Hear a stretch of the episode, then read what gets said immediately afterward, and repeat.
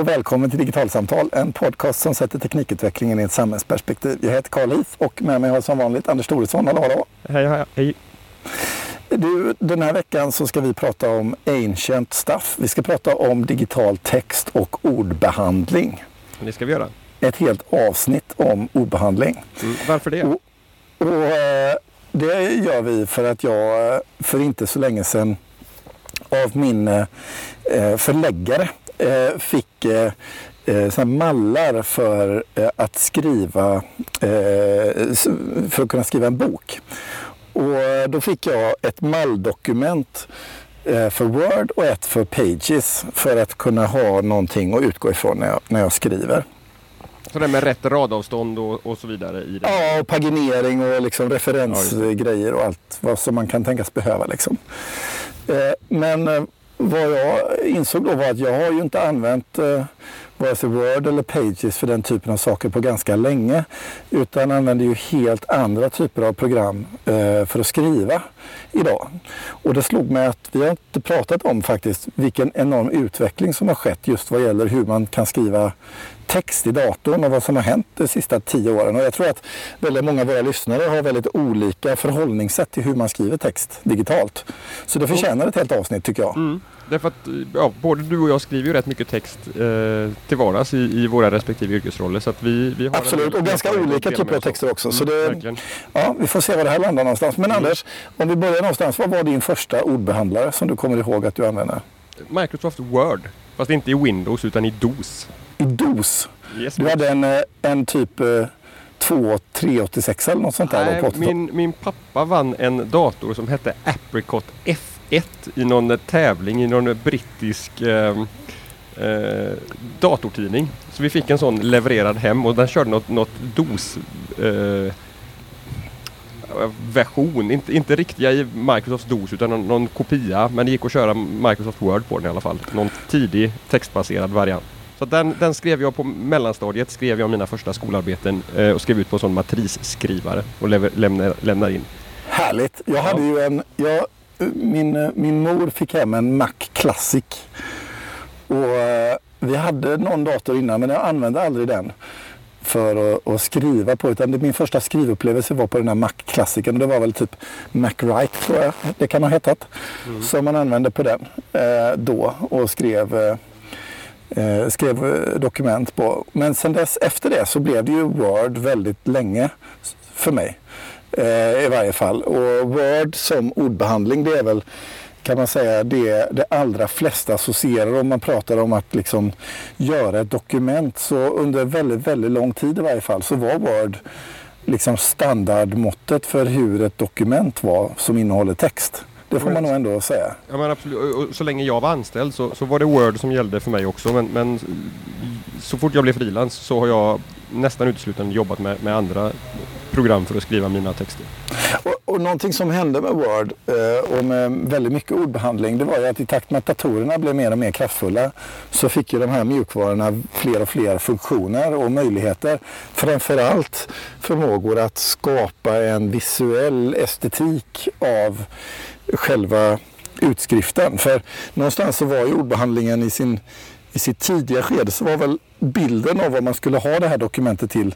Det var att man kunde skriva ut det här dokumentet eh, på sin skrivare och eh, använda det på något sätt. Eh, och att det var det som var så att säga den primära slutprodukten för ett dokument.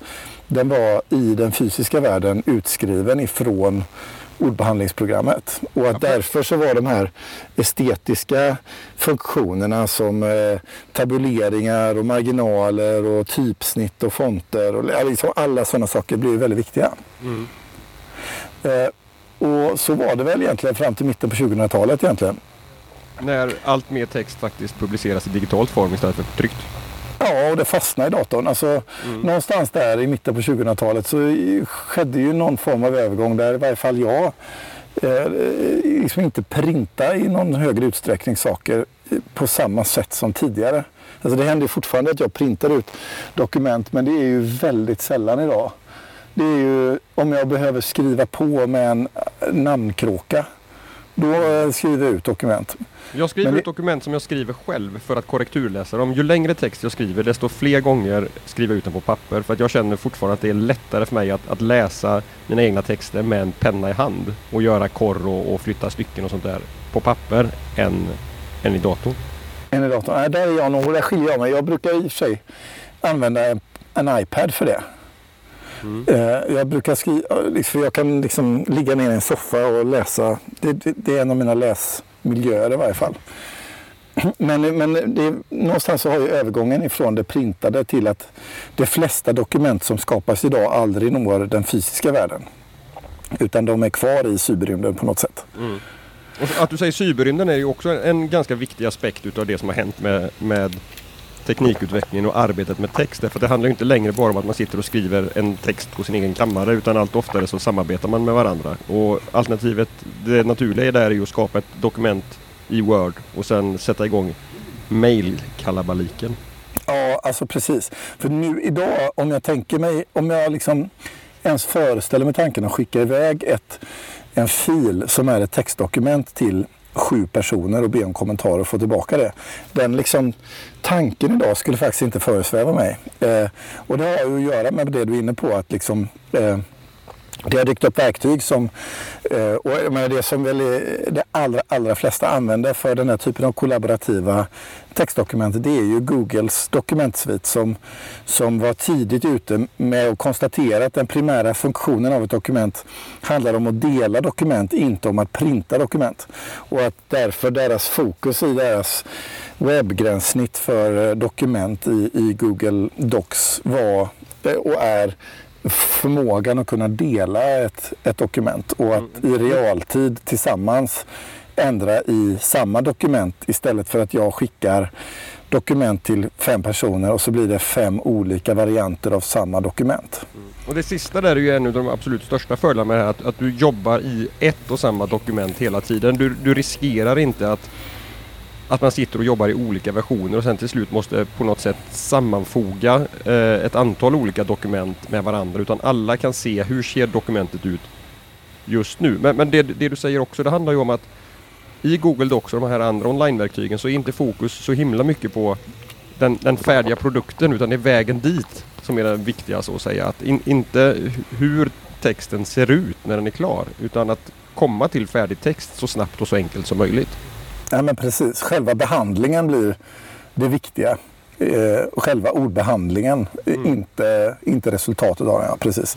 Och, och, alltså, det är ju intressant hur van åtminstone jag har blivit vid just den här typen av kollaborativa dokument. För, för det händer ju fortfarande, jag, i, i mitt eh, arbete så skriver jag ju oerhört mycket dokument eh, som andra personer också är inne och skriver i. Inte sällan samtidigt. Det kan ju till exempel handla om stora forskningsansökningar och den typen av saker. Och i en sån dokumentsituation där man ska skriva ett sånt kollaborativt eh, dokument, då är just eh, att det finns en version som alla är inne i samtidigt. Den liksom, eh, möjligheten, den, den är ju en game changer för det skapar ju sån oerhörd effektivitet i processen. Men ibland hamnar jag i en situation där det är någon i en sån här grupp som aldrig någonsin har använt eh, ett eh, delat online-verktyg för att skriva text. Eh, och om den personen är viktig för processen då blir det ju att man regrederar tillbaka till att eh, e-posta Word-dokument igen. Det händer ju inte lyckligtvis särskilt ofta men det händer ju ibland. Eh, och när det händer då slås jag av vilken oerhörd skillnad i effektivitet det är på hur man producerar text. Om man gör det eh, i den här traditionella versionsskickarkulturen eller om man gör det genom ett delat nätbaserat dokument. Det är ju en, en, en väldigt stor förändring får man nog säga. Mm. Och det handlar inte bara om det som du, du den aspekten som du har pratat om hittills ligger ju mycket på det här att, att i realtid att kunna vara inne att från varsitt tangentbord samtidigt skriva ett dokument. Men, men det handlar ju inte bara om det. Man, utan det handlar ju också om att jag kan skriva när det passar mig och du kan skriva när det passar dig. Men vi kan ändå jobba med samma textmassa eh, på samma ställe. Ja, men absolut. Och att eftersom det finns en inbyggd versionshantering och en automatisk sparfunktion så är jag inte heller särskilt orolig i processen att det blir tokigt eller sådär. Jag kan alltid gå tillbaka till en tidigare version och så vidare om jag nu skulle mot förmodan behöva det. Så, så det har hänt någonting med den här eh, det har förändrat sättet på vilket jag skriver text får jag nog säga. När, eh, och idag så är väldigt mycket av min text just sån här kollaborativ text. Så jag skulle våga nog påstå att delade dokument, som i mitt fall primärt är Google-dokument, men inte ibland. Nu har det ju hänt saker. De sista åren har ju eh, Microsoft snappat upp sig och deras nätversioner av eh, Office-paketet eh, skapar ju också förutsättningar för att dela dokument på precis samma sätt idag. Och det finns ju dessutom Eh, många andra plattformar än de här två för att eh, kollaborativt eh, jobba i, i ett dokument med öppen mjukvara och annan. Så det, det finns olika varianter. Men men, eh, men den sortens dokument är en, en väldigt stor del i min skrivarvardag utifrån att jag just har behovet att dela dokument. Men, men sen för ett antal år sedan, mycket på grund av att jag började umgås i programmeringskretsar mer än tidigare, så snubblade jag på Eh, ett annat och tredje sätt att skriva text på. Eh, som använder sig av en eh, teknik, kan vi väl kalla det för, som heter markdown. Och Eh, du och jag har ju pratat mycket om det här och jag vet att du har kommit att använda markdown som metod för, eller teknik för, för ditt eh, skrivande. Och du är ju journalist och skriver ju oerhört mycket text så jag fascineras lite grann av Eh, liksom, hur du har landat i det valet och vad, vad, det, vad det betyder för dig och vad markdown är för någonting. Mm. Eh, jag, till skillnad från dig då, jag, jag, jobbar väldigt, väldigt lite i den här typen av dokument eh, tillsammans med andra. Utan jag, jag, skriver en färdig text och sen så mejlar jag den till min redaktör. Och så är han eller hon förhoppningsvis nöjd med den texten och är beredd att publicera den. Um, så att jag, jag har i min arbetsvardag väldigt lite behov utav, utav att kunna samarbeta med andra. Men jag har också ett väldigt, väldigt litet behov utav att kunna göra dokument som ser snygga ut. Därför att mitt, det jag levererar till mina uppdragsgivare det är ju bara ett råmaterial som de sen layoutar enligt tidningens eller bokens eller ja, vad det nu är. De, de typografiska mallar som finns där. Så, att, så för dig i ditt arbete så är det liksom den rena texten som är som är det viktiga helt enkelt. Ja, ja precis. Eh, och ifall jag levererar en, en, eh, en text i, med Times New Roman eller om jag gör det med Comic Sans, det spelar ingen roll därför att det kommer inte se ut på det sättet i den färdiga trycket ändå. Fast jag, alltså, Comic Sans, eh, där är det ju inte riktigt tror jag va? Nej, inte riktigt.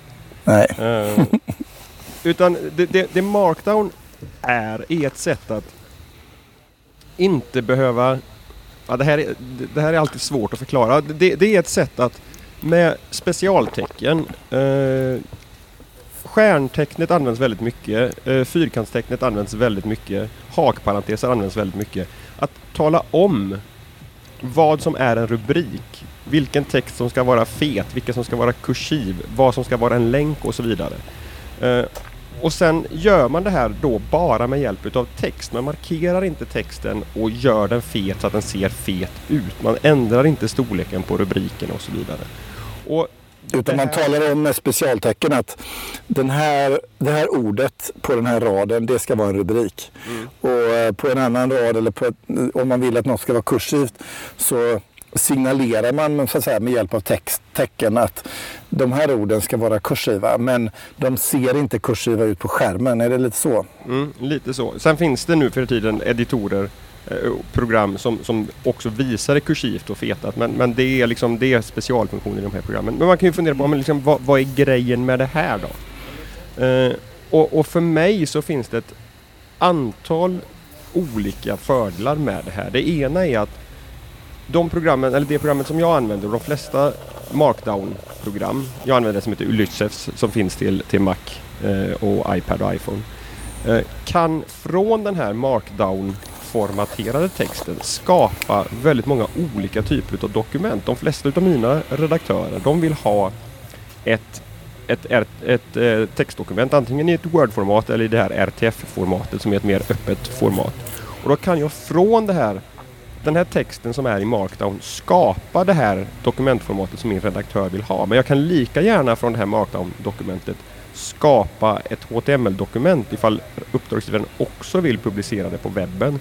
Eller ett pdf-dokument ifall de vill ha det trots allt lite snyggare layoutat, inte i ett, i ett Word-format och så vidare. Så det, det, är den ena. Så, så själva formatet på din fil det är egentligen bara en textfil som man har i, i typ anteckningar i sin ja, Windows-dator? Precis. precis så. Och det, det, är, det är den andra stora fördelen med det här och det är att jag får ingen som helst inlåsningseffekt alls på de dokumenten som jag skapar.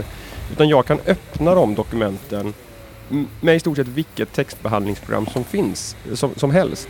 Okej, okay, så du tänker här att om jag har gjort ett dokument i Pages för Mac eller om jag har gjort ett dokument i DocX för Windows, då är de så att säga slutna mm. och jag behöver konvertera och hålla på för att kunna se dem i någon annan läsare än den ja. läsare som som, som den är avsedd i. Och, och, i det här fallet eftersom det bara är ren text i en textfil så går den att läsa i alla möjliga editorer helt enkelt. Exakt så. Och, och, för mig är det en väldigt stor fördel därför att jag vet att just nu så använder jag eh, Apples prylar och skriver i. Men vad jag kommer använda om fem eller tio år det har jag ingen aning om. Men jag kommer fortfarande antagligen ha ett intresse av att kunna gå tillbaka i mitt produktionsarkiv eller i, i de utskrivna intervjuerna som jag har och så vidare och titta i dem. Så jobbar jag ganska ofta, att läsa igenom gamla saker eller, eller så. Och, och det, det, blir liksom ett sätt att, att se till att jag garanterar att jag kan forts ha fortsatt nytta utav texter som jag skrivit förr. Och sen blir de väl också mindre i sig eftersom det är en textfil då? Ja men det blir de, absolut. Eh, storleksmässigt ser, ser de ju väldigt, väldigt mycket mindre. Men, men, men, sen finns det också fördelar medan jag skriver texten. Dels därför att man kan inte fastna i att hålla på och pilla med vilka typsnitt och så vidare man ska göra. Utan det är, det är texten, innehållet, inte utseendet som, som hamnar i fokus. Eh, det här innebär också att jag behöver inte hålla på och fippla med musen någonting utan allting görs väldigt enkelt från tangentbordet. Så att det blir ett väldigt, väldigt snabbt sätt att producera den här texten.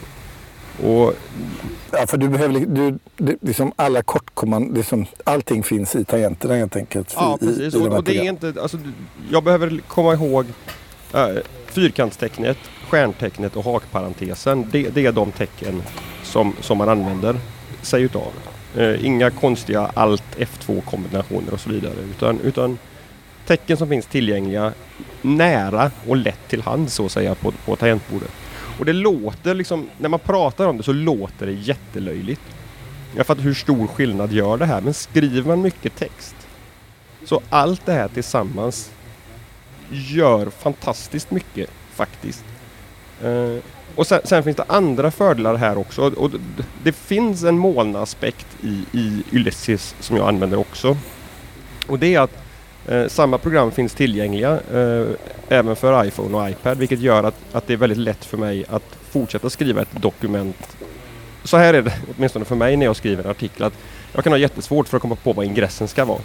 Eh, men, men, när jag står på i kön till ICA så kommer jag både på vad ingressen ska vara och så ska jag eh, kommer jag på ytterligare några saker som behöver vara med i, i artikeln. Och istället för att då skicka ett mail till mig så kan jag öppna Ulysses i telefonen och skriva exakt på rätt ställe. Så där, där finns ju den här Alltså det, det kollaborativt skrivande med mig själv på något sätt. Men, men den funktionen finns här också. Eh, en annan sak som jag har tänkt på kring eh, eh, Markdown och hur, eh, hur det används det är ju att Eh, i själva gränssnittet om man pratar om eh, Ulysses. Jag använder ju PC och inte Mac som du gör. Eh, och på min PC så använder jag en mjukvara som heter Sublime 3 för Markdown. Och och i min webbläsare, i min Markdown-läsare i Sublime så har jag en kolumn till vänster med en slags trädfilstruktur mm. som innehåller alla möjliga olika typer av eh, ja, alla mina dokument helt enkelt. Men en sak som för mig har kommit att bli ganska värdefull det är att jag kan, eh, inte nog med att om jag har ett, en textfil som jag vill konvertera till eh, en pdf. Men jag kan också markera tre filer och göra dem till samma dokument på varandra följande. Mm. Vilket gör att jag kan, så att säga, om jag skriver en längre text, bryta ner den i mindre delar. Och jag kan bearbeta och använda text och söka i text och så vidare på ett på ett eh, betydligt mer friktionsfritt sätt. Och det har gjort att, så att säga, mina typer av minnesanteckningar och den typen av texter de har kommit att få ett slags mer eh, eh, levande och nära sammanhang till andra texter eftersom jag använder samma miljö för, för mitt, eh, mitt textarbete som, som jag jobbar med själv. Mm. Eh, nu som jag var inne på innan så använder jag, jag dubbelsovlar så jag använder ju Sublime för egna texter och eget sammanhang. Eh, när jag gör minnesanteckningar eller skriver artiklar och den typen av saker men som jag skriver eh, bara i egen regi så att säga. Men, men för allt jag delar använder jag ju eh, oftast Google, Google-miljöer. Eh, men det som är trevligt för mig är att jag kan ju, jag kan ju eh, använda min, eh, eftersom det bara är en textfil så är det ju väldigt lätt att eh, skifta och skyffla fram och tillbaka om jag nu om jag nu skulle behöva det vid de tillfällena det är på det viset. Mm. Men just den här liksom hela gränssnittsupplevelsen där jag bara har text framför mig. Jag har en trädstruktur där jag ser mina olika, liksom var i de olika filerna jag befinner mig. Eh, det är för mig, eh, för mig väldigt värdefullt. Och också att det finns små enklare tillägg som håller koll på hur mycket jag har kvar att skriva och, och så vidare. Just att själva processen av skrivandet hamnar i fokus igen och inte liksom utseendet på texten eller eh, eller andra aspekter av, av, av skrivandet. Mm. Och, och, för mig, så det här som du pratar om och det som jag pratade om innan också, för mig blir det här också en del utav det som, som vi faktiskt vill att den här podden ska handla om. Liksom demokratiaspekten utav tekniken. För det här handlar ju om att inte vara nöjd med det första bästa verktyg som man får satt i händerna på sig och, och använda det. Därför att det, det, kan finnas andra verktyg som gör att du på ett mer effektivt sätt kan skriva dina texter. De kanske inte blir bättre men du kommer till slutmålet snabbare och får tid över att göra till annat eh, och så vidare. Så det, det, här är liksom att, att känna till att de här alternativen finns. Eh, det är en tröskel att komma igång givetvis men jag är helt övertygad om att jag genom åren som frilansjournalist, de 11 åren som jag har jobbat som frilans och ägnat åtminstone 7-8 utav dem åt att skriva texter i markdowns, så har det gjort att jag har på de här åren hunnit skriva några extra artiklar som jag inte skulle hunnit med annars. Alltså, sen är ju en annan utmaning, tror jag för många, det är ju att eh, man inte sällan liksom hamnar i att eh, ha en typ av eh, Eh, program som man är van vid. Och att det är det programmet som sen blir det man använder för alla olika typer av texter. Om man har lärt sig Word ordentligt då är det ju liksom eh, en lärande tröskel att gå ifrån det sättet att tänka på när man skriver till att jobba i Google, delade Google-dokument till exempel. Eh, och även om det inte kanske är den absolut svåraste saken att skriva i ett delat Google-dokument så är det ändå en tröskel att gå från eh, en, eh, ett sätt att producera text på till ett annat. Och det kan man ju se om man pratar om utbildningssektorn som jag eh, lägger mycket tid i så kan man se att det finns en tröskel för till exempel många lärare som är vana att jobba i en miljö och som behöver gå in i en annan miljö av, av arbetsmässiga skäl och att det finns ett, en tröskel i, i att nå en eh, kunskapsnivå om det nya verktyget som gör att man känner sig liksom fri att använda det på ett på ett effektivt sätt. Och så är det ju också med eh, ett, eh, en plattform ett, eller koncept som Markdown är. Ja, absolut. Det är ju en tröskel att börja jobba på det sättet. Därför att de första Men, fem dokumenten som du kommer skriva med hjälp av Workdown, Markdown kommer ta väldigt mycket längre tid än om du inte skulle använt Markdown. Men när du väl har lärt dig det och är igång, då, då, då har du alla liksom vinsterna med dig. Nej men absolut. Sen finns det ju andra funktioner i de här editorerna som inte finns eh, och som man upptäcker efterhand. Till exempel en sak som jag har upptäckt eh, eh, ganska nyligen i Sublime. Eh, det, är att, det är att jag kan skriva samma text på väldigt många olika ställen samtidigt till exempel. Eh, i, I den editorn. Och det är värdefullt om man till exempel är programmerare och ska ändra i en eh, kodsekvens på 23 ställen i en lång kodtext. Då kan man i Sublime så kan man göra liksom 23 stycken eh, punkter där man skriver och sen kan man skriva och då skriver man den texten samtidigt på de 23 markerade ställena. Men för mig så har det kommit att bli värdefullt att göra också i i eh, vanlig text, inte programkod. Eh, när jag skriver till exempel texter med vissa typer av strukturer eller jag vill kunna eh, bygga mallar och vad det kan vara för någonting så är den här typen av eh, sätt att skriva på. Det finns en mängd sådana här små upptäckter att göra med det här sättet att skriva på som, som förändrar eh, ens beteende helt enkelt. Ja men eh, så är det. Eh, jag kan ju säga att jag, förra året, det, det, det, finns en sån här bloggutmaning som går varje vår som heter Blogg 100 där målsättningen är att skriva 100 blogginlägg inom loppet av 100 dagar. Jag var med för första gången 2016 och skrev då på min egen webbplats eh, tips om hur man använder datorn på smart sätt ur, ur ganska många olika perspektiv. Och där finns ett antal texter med om vad markdown är, hur man kommer igång med markdown, eh, varför jag tycker Ulysses är så väldigt bra och så vidare. Så de, de, den samlingssidan för de texterna länkar vi givetvis till i, eh, i shownotesen. Absolut. Och, och, eh, som vi har varit inne på så använder jag och Anders olika eh, editorer för markdown.